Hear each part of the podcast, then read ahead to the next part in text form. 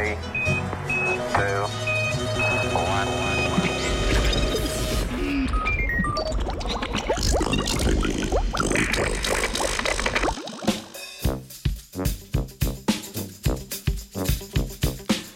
Dobro jutro, menda neki smrdi po možganskem tumorju.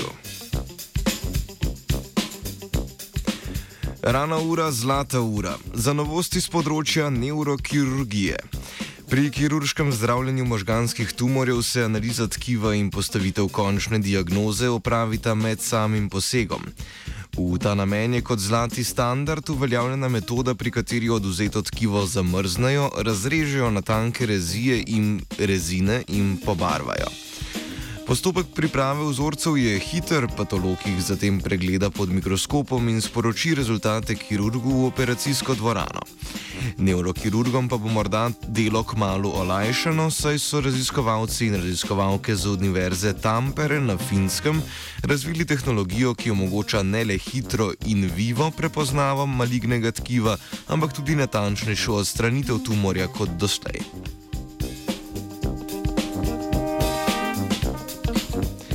Pri neurokirurških posegih so široko uporabljene elektrokirurške tehnike, pri katerih tkivo izrežejo s pomočjo električnega kirurškega noža ali diatermijske naprave.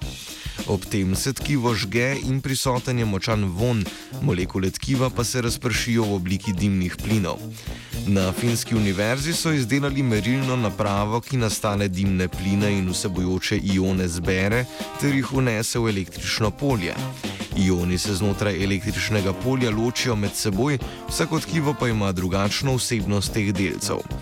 Z malo domišljije si lahko predstavljamo, da naprava deluje kot umeten nos in zažgano tkivo identificira na podlagi odtisa, v tem primeru ne prstnega, temveč olfaktornega.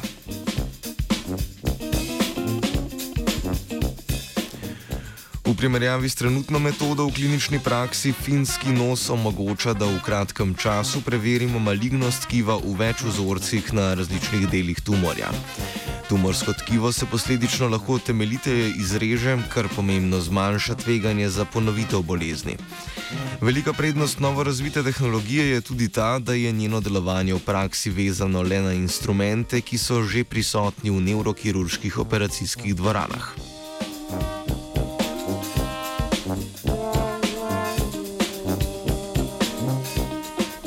Tehnologija temelji na spektrometrični metodi imenovani Differential Mobility Spectrometry, ki loči delce na podlagi njihove gibljivosti v električnem polju.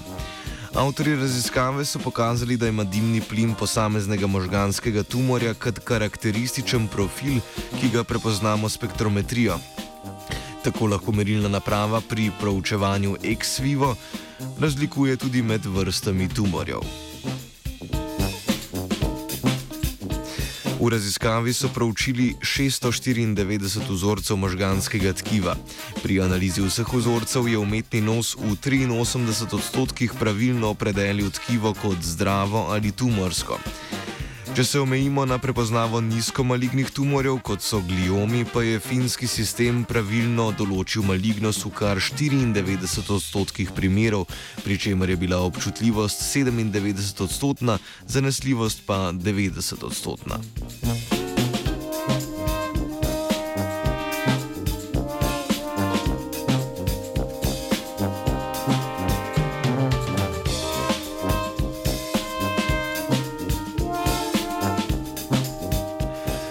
Danes bomo s svojimi trivialnimi nosovi vonjali le maligne poletne temperature. Vajenka Špela je z vami delila zadnji znanstveni britov letošnjega poletja, v znanstveni redakciji z njimi nadaljujemo oktobra. Možgane ti opere detergent, se kliče radio študent.